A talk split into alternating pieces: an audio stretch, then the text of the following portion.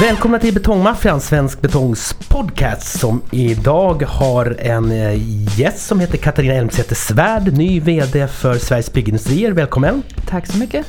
Förutom allt om Sveriges Byggindustriers framtid så ska vi också få veta vad du vet om betong. Och hur man är en bra ledare ska jag försöka få ur dig också. Okej, men det är lite hemligheter egentligen. Både vad betong innehåller och ledarskapet kanske. Inte efter det här programmet. Bra. Vi kommer att avslöja det.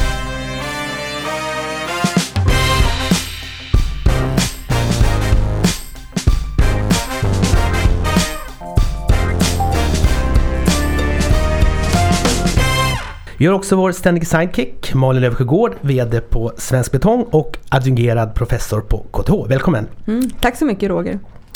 Hur länge Katarina Elmsäter-Svärd har du varit VD nu för Sveriges Byggindustrier? Sen första oktober, så att eh, idag är den 20. 20 dagar. Hur många timmar är det? Ja, om du tänker på enligt klockan eller hur många timmar som jag har jobbat. Då skulle jag kunna säga i och för sig att det är inte så stor skillnad. Nej, det är mycket jobb i början. Så är det. Ja. 80 timmars veckor? Ja, det blir ju en del resande och då får man ju fundera på hur man använder tiden när man reser också. Både att tomglo men att också förbereda sig och träffa andra. En lördagkväll för dig, hur ser den ut?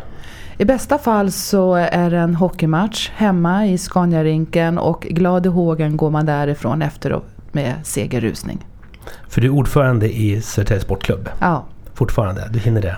Ja, absolut. Eh, och det nu tror jag är viktigt att kunna kombinera i ett föreningsliv som både Sveriges Byggindustrier är, som gör stora samhällsinsatser, men också koppla ihop det med det ideella. Det är också ett sätt att bygga samhälle. Tänker du på jobbet på lördagskvällar? Det är jag väldigt bra på att inte göra. Jag är rätt bra på att koppla av och på. Skönt att höra. Du har varit infrastrukturminister. Mm. Och det, hur är det? Det kan man faktiskt kategorisera på många sätt. För det första är det ju fantastiskt roligt. Det finns ju ingen minister som är så populär ute i landet att ha långa rader av väntandes kommunalråd som tycker att de vill påverka på olika sätt. Så man är alltid välkommen. Det andra är naturligtvis känslan av att faktiskt få vara med och bygga Sverige starkt. Där infrastrukturen är ett viktigt verktyg. Men eh, det är också en fantastisk möjlighet att se och göra saker som man kanske inte annars får göra. Åka isbrytare, flyga helikoptrar eller vara nere i djupa tunnlar som förbifarten eller sådana saker. Du får säga nej till mycket också förstås. Ja, eh, det gör jag. Men jag tillhör ju den här kategorin som kanske mera säger ja än säger nej. Okej, men om det blir avslag på någonting då, hur formulerar du det då? Du tänker avslag på något ärende? Jag tänker de här kommunerna som förhoppfullt bjuder in dig och så kan du inte tillgodose deras behov. Fast å andra sidan så går det att sätta in ett perspektiv eh, där man också förstår att allt kan inte göras på en gång oavsett om det gäller i tid eller geografi. Och då är det snarare att hitta en gemensam verklighetssyn. Då kanske det är så att man förstår att vissa saker kommer före någonting annat. Det behöver inte innebära ett nej. Jättebra formulerat tycker jag. Vi går in på Sveriges Byggindustrier då. Som eh, jag tänker så här att du går in och du väntat på att få börja. Och så tänker du kanske så här att det här vill jag ta tag i när jag börjar. Vad var det första så här du kände? Det svåra är egentligen tyckte jag, att ha en väldigt klar uppfattning om vad det är man vill ta tag i direkt när man börjar. Innan man först har lärt känna organisationen, sett vilka medarbetare som finns där och känt av lite grann utav vibrationerna. Så att jag tycker för mig har också den första tiden varit viktig att få tid att tänka, se och höra och ta in. Det ger mig en bild om vad det är som också måste tas vid, rent konkret. Men jag hade ju en tanke eh, mera kopplat generellt för att man ska förstå, eller jag skulle förstå, vad är liksom betydelsen av Sveriges byggindustrier och för den här branschen. Det sammanfattade jag med att det ska vara en bransch som är attraktiv, sund och säker. Och det går att fånga in på många olika sätt med det vi också gör. Mm, vi ska komma tillbaka till det. Eh, den här eh, tjänsten som VD på Sveriges Byggindustrier var ju vakant ett tag. Och eh, du Malin Löfsjögård, hur reagerade du när du fick höra att det var Katarina Elmsäter-Svärd som skulle tillsättas? Ehm, jag tycker att det är ett ehm, väldigt spännande och intressant och bra val eh, som VD för Sveriges Byggindustrier. Ehm, ur en rad olika Eh, skäl då. Eh, dels den politiska bakgrunden och kunna de delarna. Eh, men också att också kunna ha, alltså få den foten emellan. Sen är det ju många som har vittnat om, om Kattis ledaregenskaper och de bitarna. Jag tycker ju inte om det här med kvotering eller de frågorna men jag kan också se ett symbolvärde på ett annat sätt ehm, ifrån att också ta en kvinnomakt där också. Mm. Men jag vill verkligen säga att jag är helt emot eh, kvotering på den biten men jag kan se ett annat värde av den biten att man lyfter fram det. Eh, sen har jag väldigt stora förhoppningar att kunna dra det vidare för jag har ju kunnat se väldigt nära Sveriges byggindustrier eftersom vi sitter i ja, i princip samma korridor här i Näringslivets hus och följt mycket noga det vi gör i den biten. Eh, så att jag kan se att det finns en stor vikt att fortsätta att jobba med det och de frågorna som man har i i vad heter det, Sveriges byggindustrier och även då i Svensk Betong och andra branschorganisationer kopplat till byggandet.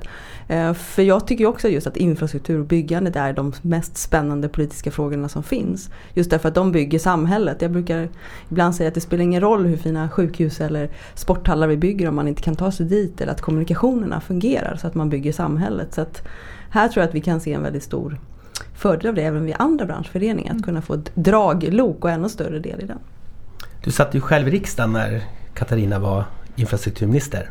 Ja, det gjorde jag. Hur var hon som infrastrukturminister tycker du? Ja, jag tycker hon var väldigt bra. Är inte Malin lite partisk nu Precis, här? jag skulle säga det. Men jag kan också säga det att, att jag är ju dels partisk därför att väldigt mycket som det jag tycker var ju faktiskt det som regeringen och eh, Katarina gjorde som infrastrukturminister låg i linje med vad jag själv tyckte. Men jag har ju också haft då förmånen att vara ute väldigt mycket och träffa många organisationer och kunde också då se att det fanns en väldigt stor trovärdighet för Katti som person ute när hon var och, pratade och mötte väldigt många. Vilket då också gjorde det lite lättare för oss riksdagsledamöter att också kunna komma ut och prata om de här svåra frågorna, eller det som du tog upp Roger, det här att man inte alltid får ett ja direkt på kanske ett önskemål, men att kunna förklara det.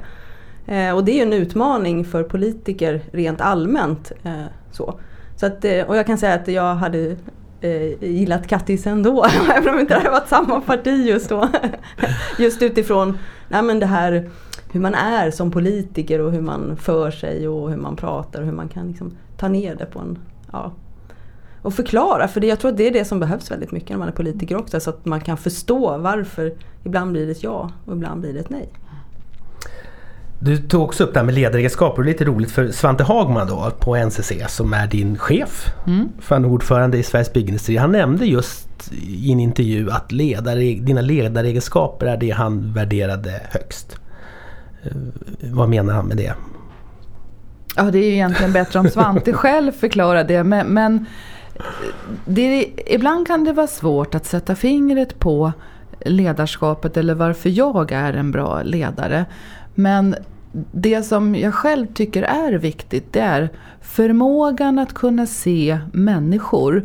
Förmågan att kunna förstå varför människor agerar som de gör i olika situationer.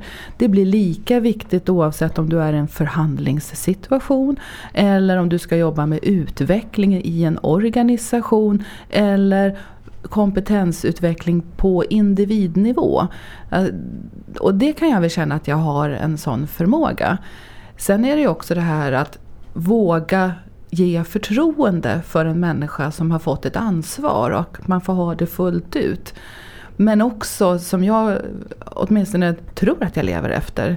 Eh, det här att det måste kunna vara okej okay när man tar en ansats och gör någonting och inse att det kan också inte bli som det var tänkt.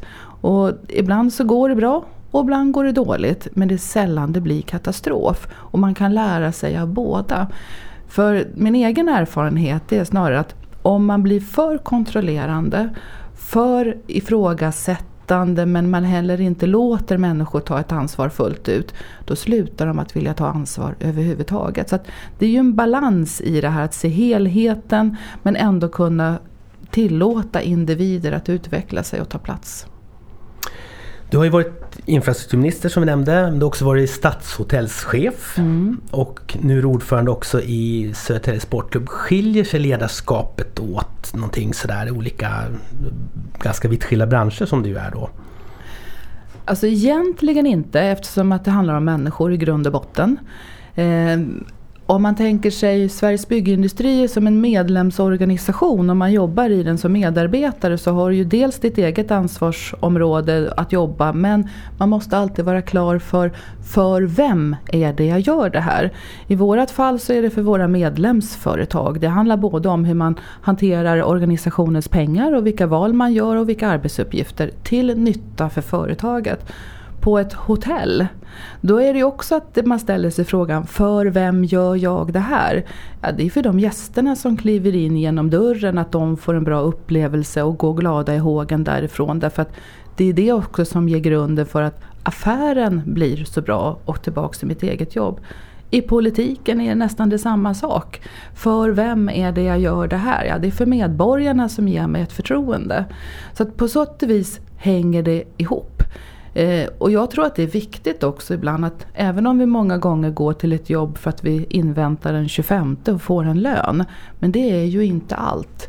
Utan förstår man också sin betydelse i sin organisation och att det också är väldigt roligt att kunna leverera till den det är till för. Då är det många likheter.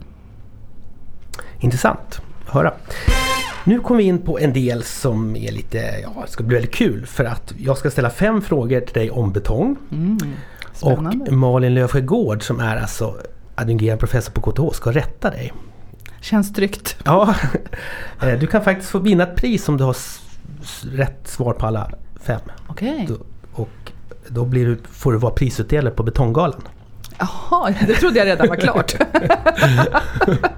Okej, okay. ja. ja. men vi kör på. Vi kör. Eh, vi börjar med den första frågan då. Eh, vad är skillnaden på betong och cement? Skillnaden på betong och cement? Det stavas ju olika om jag skulle titta på påsarna naturligtvis. Mm. Men, men, kan det vara någonting i skillnad med hållfastheten? Hårdheten eller någonting sånt där? Vi ska höra professorn vad hon svarar. Precis. Alltså, cement är en av råvarorna i betong och agerar som bindemedlet, det vill säga limmet. Aha. Mm. För betong består av ballast, bindemedel, vatten. Ja, vatten och vet jag. tillsatsmedel. Mm. Och det bindemedel man framförallt använder är cement. Vilken luring! Mm. Ja den var luring, den är jätteluring. Den är luring. Mm. Jag kunde inte heller det när jag började i, sökte jag jobbet i betongbranschen kan jag säga. Så den är svår. Mm. Eh, så cement skulle man kunna säga är ett slags klister? Ja, Just, lite precis. så. Ja. Okay. Eller mjölen i brödet är någon som också har liknat vid.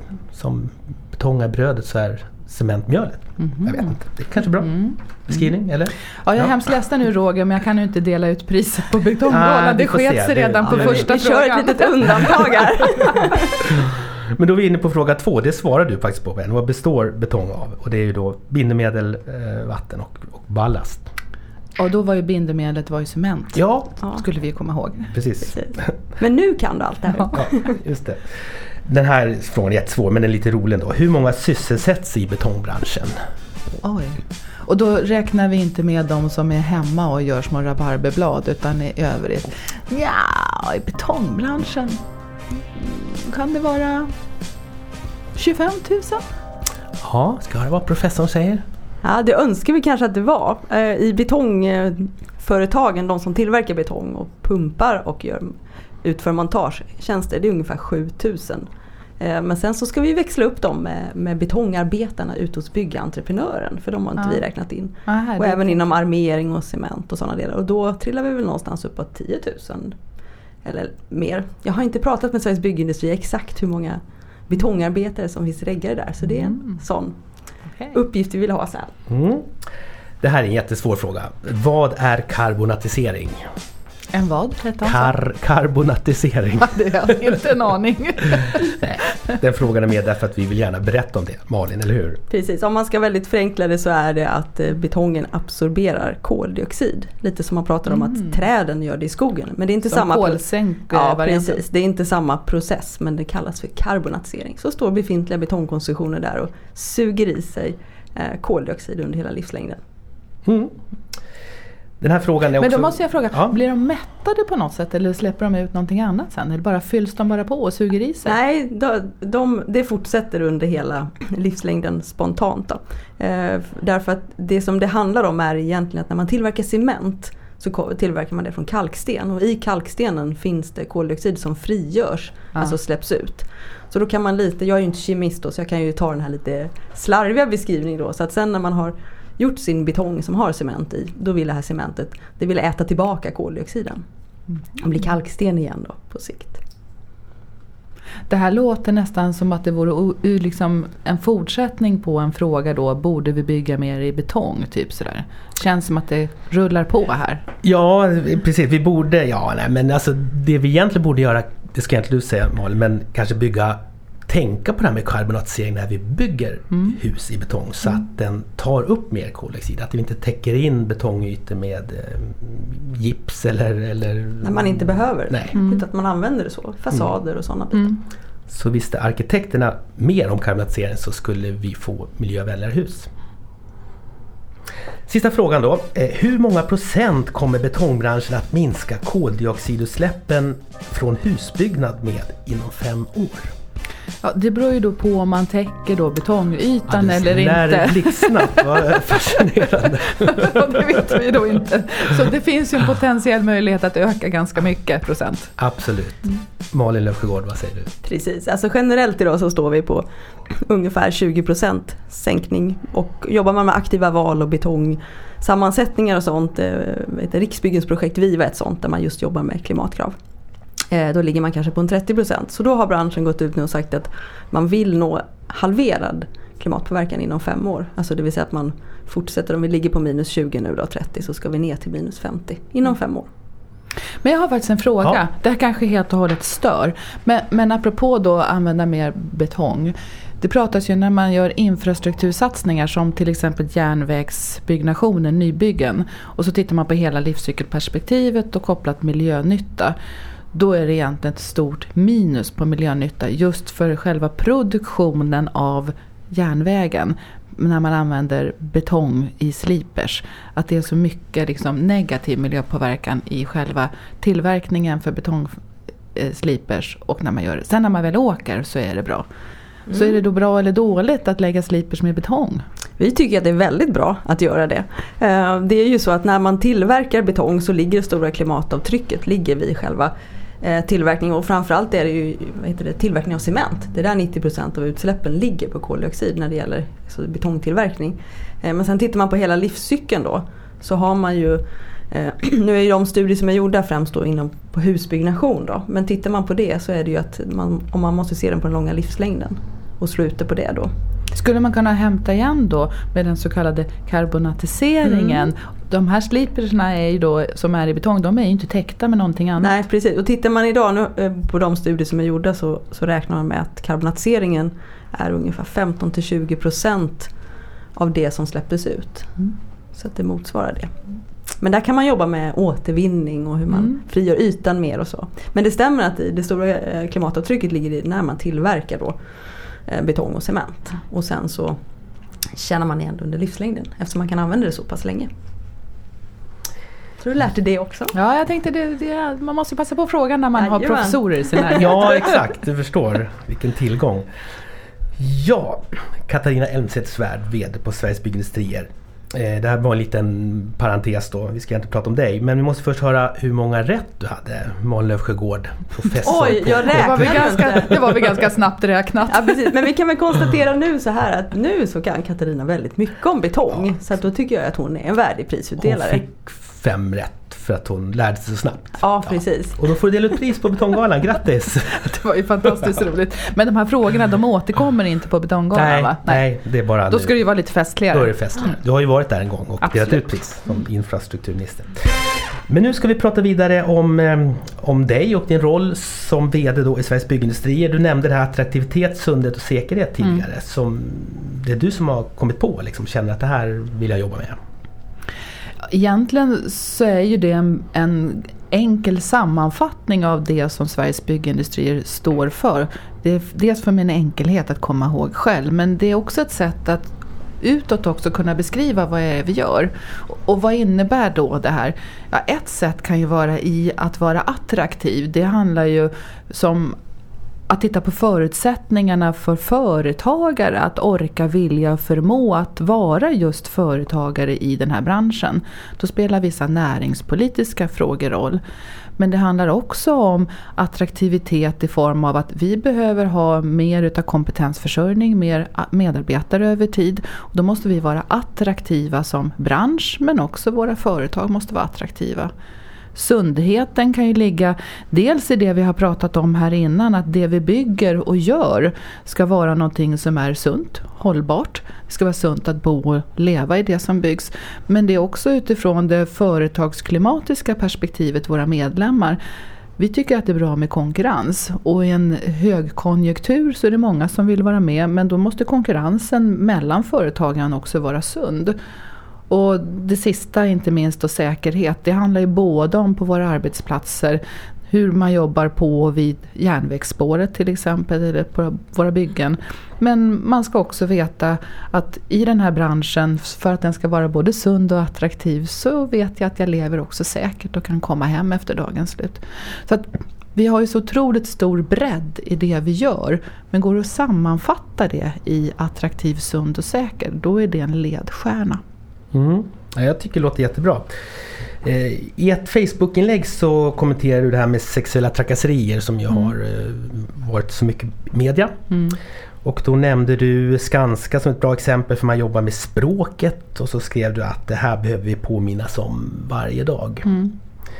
Eh, det här är någonting du känner väldigt mycket för då förstår jag? Ja men det ligger ju både i attraktiviteten. Ska vi få fler att vilja söka sig till våran bransch då gäller det att vi använder oss av hela humankapitalet. Både tjejer och killar oavsett var jag än kommer ifrån eller har för bakgrund. Och då kan ju attityder på en arbetsplats i hur vi är med varandra göra att man väljer att där vill jag inte vara. Därför är det viktigt. Men det handlar ju också om eh, eh, överhuvudtaget arbetsmiljö. Hur trivs vi på våra arbetsplatser? Vad är norm och vad tillåter vi andra att göra när man kanske egentligen mår dåligt utav det? Jag tycker att det är jätteviktigt att gå före och visa att människor ska liksom ha likvärdiga förutsättningar. Vi ska respektera varandra. För alla kommer att behövas i en sektor som också växer och behöver växa. Det pågår den här metoo-kampanjen nu mm. på, på Facebook och andra medier. Eh, hur känner du för den? Alltså jag kan tycka så här att använda den möjlighet som finns, inte minst digitalt, för att få ut ett viktigt budskap och där många också får en chans att delge sina erfarenheter när det leder till att samtalet kommer upp till ytan. Det är i grund och botten bra. Eh, sen kan jag ju också notera att det finns de som väljer att förlöjliga den. Eh, om det beror på att man inte själv har insikt eller tycker att man vill ta billiga poänger, det får stå för dem. Det viktigaste måste ju vara resultatet. Är det här med och bidrar till att frågan kommer upp och blir diskuterad och åtgärdad, då tycker jag att det är jättebra. Har du själv delat det på Facebook? Nej, jag har inte gjort det. Och jag har funderat också på, det var därför jag la in det här inlägget igår kväll då kopplat till det som jag tyckte var positivt att just TV4-nyheterna visade byggbranschen om man då lite fördomsfullt tänker att där är det problem. Och det finns problem. Men snarare visade på att där gör det också någonting åt problemen. Jag själv, när jag liksom verkligen tänker tillbaka under den tiden som jag har varit verksam, det är ändå i arbetslivet sedan 84. Jag har ju faktiskt inte personligen råkat ut för det som jag ser och hör många utav andra tjejer, men också killar, har råkat ut för. Så att jag har inte addat metoo utifrån min egen erfarenhet. Jag skulle mycket väl kunna göra det utifrån så många som jag känner till har blivit det. Malin Sjögård, har du addat metoo? Nej det har jag inte. Eh, och eh, jag tycker att det är bra att den diskussionen förs och att den är uppe så. Men jag har faktiskt då samma erfarenhet som Katarina. Jag har inte några sådana händelser att rapportera alls på det sättet. Eh, vad det beror på det vet jag inte. Jag är väl medveten om att till exempel i byggbranschen kan det se väldigt olika ut i, i den biten. Jag kanske har haft tur i vissa anseenden eller sådana saker. Men, och då kan jag känna att då kan jag inte adda den för att alltså då tar man bort det från de som verkligen har drabbats mm. på ett annat sätt. Mm. Eh, så. Sen så eh, Ja och då, för, så att man, jag menar, den ska ju också användas med respekt en sån Alltså när man tar diskussionen. Och det betyder ju inte för att, man inte, för att, man, för att jag inte är där, det betyder ju inte att man inte tycker diskussionen är viktig. Mm. Men att bara slentrianmässigt slänga på för att man bara ska vara en på tåget på det sättet. Då verkar jag i så fall på ett annat sätt istället. Mm. För att, ja. En viktig fråga. Mm som ryms under attraktivitet. Verkligen. Och även sund och säker också skulle jag faktiskt i förlängningen dra det till också. Mm. Du nämnde också det här att det var viktigt med politiska beslut för att få en attraktiv bransch. Mm. Är det mm. något sånt där du känner, kan du exempel på? Jo men vi, vi, kan ju ta en sån här del bara för att man ska se helhetsbilden och, och det är viktigt för oss också i Sveriges byggindustrier. Jag tänker så här att ska människor känna framtidstro så behöver man oftast ha ett jobb, någonstans att bo och däremellan goda förutsättningar att resa.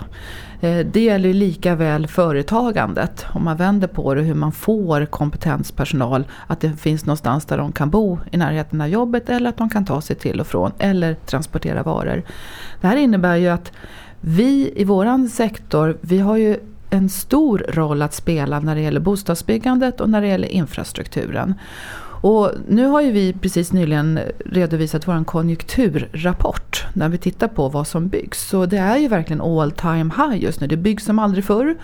Eh, ändå kan vi läsa i tidningarna att bostadsmarknaden för vissa typer av bostadsrätter till en viss kategori människor börjar bli lite mättad. Samtidigt så finns det människor som ännu överhuvudtaget inte har fått en egen tröskel att kliva in över, de som står utanför. Och då blir ju frågan tillbaks, vem ska då göra någonting åt det här och hur påverkas vi? Bara en sån sak utifrån företagsnivå. Eh, om det florerar liksom i den politiska debatten diskussioner om strängare eh, ränteavdragskrav eller när man tittar på amorteringar eller finansieringskrav. Då påverkar det hur företagen väljer att resonera framåt sker det samtidigt som hushållen som nu under en tid har levt i ett normaltillstånd med nästan inga räntor alls, tagit stora lån, eh, räknat med kanske fastighetspriser som fortsätter att stiga och så kommer diskussionen om ytterligare amorteringsskärpningar, kanske inte kunna få göra lika stora ränteavdrag som tidigare och så vidare. Då skapar det en osäkerhet. Och blir hushållen osäkra då börjar de att avvakta. Och när hushållen börjar avvakta, då gör företagen som ska bygga bostäder också. Så att det politiken gör, det politiken signalerar, det får direkt konsekvenser. Och varför får det just det på den här sektorn? Ja, att köpa en bostad, det är ju en av de största investeringar vi gör som enskilda. Och vi ser att nästa år så dippar det neråt på bostadsbyggandet. Eh, inte så att det blir jättelåga nivåer. Det går naturligtvis från höga nivåer men de sjunker. Och det är samtidigt som människor upplever att jag har ingenstans att bo. Det är lite märkligt. Mm. Malin Sjögård, vilka frågor tycker du att Katarina borde driva? Eh, nej men alltså det är ju eh, villkoren för byggandet är ju väldigt viktiga att det inte blir en ryckighet. Det var ju för något år sedan eller två diskussioner kring just det här med subventioner eller inte om man la. Eh, för det blir precis det som Katarina beskriver, det blir en avvaktande del och det påverkar ju också då investeringarna. Alltså, jag kan ju se på, nu är ju betong liksom en del av leverantörerna in till själva byggbranschen och det är ju klart att att tillgodose då kapacitet och hur man ska växa eller inte växa. Och det är klart att blir det ryckigt, ja då, då drar man sig nog för investeringar mm. Eh, på den biten. Och, att, kan man, och där har vi också den här kostnadsbilden för att när vi ska bygga, för det är ju också då väldigt mycket från politiskt håll att det är, det är så dyrt att bygga i Sverige och det är så dyra kostnader för material och det är så dyra kostnader för eh, arbetskraft och det är de här bitarna. Och många delar av det stämmer när man jämför med andra länder i i Europa. Men då måste man också titta på hur ser förutsättningarna ut för att driva de här företagen och att bygga i Sverige. Och vad är det som driver på kostnader och de delarna. Och det är klart att en ryckighet är ju aldrig bra för det är ju väldigt svårt att hantera kompetens och rekrytera mm. personer. För det är ju det vi ser idag och vi ser ju det inom många sektorer. Så det är ju att hitta den biten. Och sen är det väl ändå så att de som bygger, ja de ser ju vad det finns för marknad och de kan få för avsättning där. Men där kan ju också politiken gå in och se. Men där kan jag också sakna, nu är det kanske inte frågor vi, vi direkt diskuterar i Svensk Betong, men det är också de här bitarna som Katarina tog upp med amorteringskrav och delar. Att när man är och rör i andra delar liksom av det politiska systemet så kan ju det också då trilla ner. Alltså för det handlar ju om hushållens köpkraft mm. i slutändan.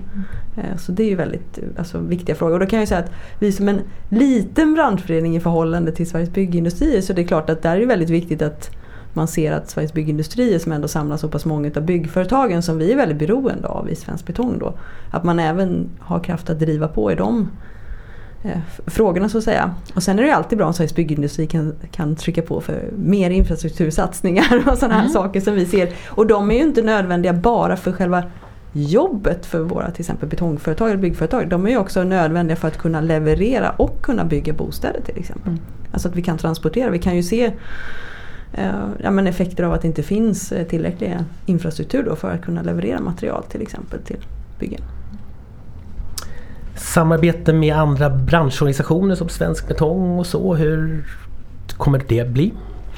Jag tror att det är alldeles ut, eh, nödvändigt. Jag, jag försöker också sätta mig in i alltså hela strukturen svenskt näringsliv. Eh, ytterst om man tänker det gemensamma samlade svenskt näringsliv har ju också en målsättning att driva på om förutsättningarna och villkoren för företagandet. Det har vi ju alla gemensamt. Men sen gäller det att tratta ner och vad gör varje då branschföretag och var går vi också gemensamt? Var kan vi gå hand i hand? Det ger ju också en styrka. Ehm, jag är till och med så kanske Ehm, um, okonventionell på det sättet att jag tycker till och med att de parter som vi har gemensamt att jobba med som även är alltså arbetstagarparten som Byggnads till exempel eller andra IF Metall och de vi jobbar med, byggarna eller ledarna och sådär. Det finns ju faktiskt frågor där det för sakens skull skulle vara bra att vi går armkrok till exempel arbetsmiljön eller sådana saker, då ska man göra det. Eh, så finns det saker där vi är oense. Men våra branschföreningar, typ Svensk Betong eller andra byggmaterialindustrierna. Jag tänker också transportföretagen, eh, kopplat in till det som du säger Malin också, det här med hur får vi liksom smart byggnation utav ett samhälle, av en ny stad. Där just infrastrukturen och bostäder är en del, men även i bygg, byggprocessen. Alltså logistiken kring en byggnation är oerhört viktig om vi ska vara miljösmarta mm. och ekonomiskt smarta. Både jag och Malin är ju en av dina 3834 Facebook-vänner. Ja, ja, det är väldigt trevligt. Kan du namnge alla? Nej men faktum är att eh, i stort sett alla som jag, när jag ser liksom namnen på dem, bilder på dem, en del känner jag väldigt väl men de flesta har faktiskt en, en aning om vilka de är också. Ja, mm. Fantastiskt. Ett av dina inlägg som vi fick se häromdagen det var en vanlig tisdag på jobbet. Ja, det kändes rätt bekant. Du började med Ekot, en intervju och sen så skulle du till eh, NDEP. Mm. Och det är näringsdepartementet antar jag, mm. för oss som inte är inom politiken. Då. Men NDEP det är så här det vet alla vad det är tydligen inom politiken. Ja. Alltså, de tusen av mina 3600 vet. De vet, ja. Och där hade du lunch med Thomas Eneroth. Ja. Hur är han som infrastrukturminister då? Jag tycker han är väldigt bra. Eh, jag tycker att han, ehm, alltså, han har en förmåga. Dels är han ju faktiskt oerhört kunnig och erfaren inom politiken. Han är liksom ingen rookie på så sätt och det tycker jag märks. Han är genuint intresserad utav det som vi gör i våran bransch. Eh, och han tar sig också tid. Men jag har också en känsla av att han också kanske likt mig själv vill komma framåt i resultat och då kan det ta lite olika vägar. Men har man en gemensam uppfattning om vad som vore bra att komma fram till så kan nog han också tänka sig att jobba i sådana former. Kanske lite okonventionellt även där också över olika gränser. Så mitt samlade intryck av honom är att jag tycker att han är rätt bra. Mm. Rätt bra. Inte. Ja, jag kan ju inte säga fullt ut att han är jättebra. Det går ju inte. Och det brukar jag säga till honom. Jag önskar honom lagom mycket lycka till. ja, just det. För han tillhör ett annat politiskt parti. Ja, ja, man kan skämta om det också. Ja. Men, men jag, jag, jag, tror faktiskt kopplat till eh, det han gör och med det ansvar som han har så tycker jag att, att han gör det bra. Sen var du på SVT för intervju. Mm. Och sen träffade du medlemsföretag FSJ står det där. Vad, ja, det är fina vad, grejer. Vad är det för det, något? är, det är ett antal nya medlemmar som vi har sedan eh, i somras. Jaha. Det är järnvägsbranschens underhållsföretag. Man kanske känner igen sådana som Stracton eller Railcare eller mm. olika. Det är våra medlemsföretag som finns hos oss. Och då är det ju järnväg så då brinner hjärtat lite extra. Ja, förstår det. De här gör stor nytta för många människor. Sen var det genomgång inför medarbetardag, kvällsmöte på BI och riksdagens civilutskott. Och däremellan så mejlar du, fika och pratade. Mm, det måste man också hinna med. Man måste fika och man måste hinna prata och vara med runt. Det här är en vanlig tisdag på jobbet. Det är ganska högt tempo. Mm. För mig så känns det som en ganska normal dag. Jag är van med att mina dagar brukar se ut så här. Det är en vanlig dag på jobbet alltså? Liksom, så. Ja, så är det. En viktig förutsättning då är, jag har manat fram en väldigt bra kunskap som jag har lärt mig själv. Det är att när det så behövs, ta en stund och bara sitta och tomglo. Så jag är väldigt bra på att göra ingenting. Då funkar en sån här dag. När kände du att du var nära på att bli utbränd senast? Det har jag faktiskt aldrig känt. Eh, men däremot så kan jag ändå konstatera att när jag klev av politiken helt och hållet i december 2014 eh, och gjorde ingenting under tre månader. Jag bara bestämde mig för att nu ska jag bara liksom landa ner. Då kom jag på mig själv att jag sov väldigt mycket. Och tänkte så här, shit, var jag så här trött? Så att eh, alltså, jag har ju i ungefär 25 års tid gjort och levt så här. Så att jag är ganska van med det. Det svåra är ju inte att låta tiden gå och göra mycket. Det svåra är att hämta igen de små stunderna att inte göra något. Bra råd. En sista fråga då. Jag tänker så här då. Du kommer, du kommer vara VD för Sveriges Byggindustrier i fem år, tror jag. Okej, okay. ja. du har satt en gräns där. Ja, max, maxgräns. ja. då tänker jag så här, eh, då när du går över till något annat. Mm. Hur vill du bli ihågkommen då som VD för Sveriges Byggindustrier?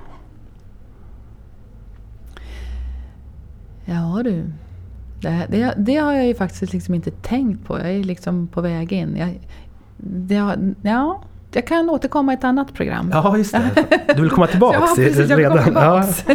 ja. precis. Efter 20 dagar på jobbet, hur vill du bli ihågkommen när du slutar? vilken, vilken cliffhanger. Det kommer bli ett ja, nytt program precis. med Katarina Elmsäter-Svärd. jag varnar dig för att Roger kan ju ställa lite kniviga frågor ibland. men, men en sak måste jag ändå berätta. Jag tycker att det är så fantastiskt roligt ändå. Redan bara efter den här korta tiden, alltså med koppling till att jag då är hockeyordförande också. Numera när jag träffar nya grupper av människor och man går presentationer runt bordet utan att jag har sagt någonting. Då börjar alla med att tala om vad de heter och sen redovisar de vilket hockeylag de hejar på. Det har inte varit förut. Nej.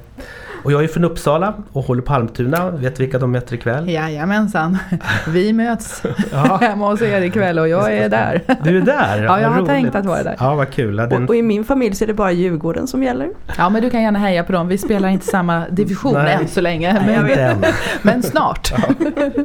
och då hoppas vi den högre och inte den lägre. Tack så mycket Katarina Elmstedt-Svärd, VD på Sveriges Byggindustrier för att du var med i programmet. Tack så mycket. Tack så mycket Malin Sjögård, VD på Svensk Betong, vår ständige sidekick. Tack så mycket Roger. Ni har lyssnat på Betongmaffian, Svensk Betongs podcast och jag heter Roger Andersson och är programledare.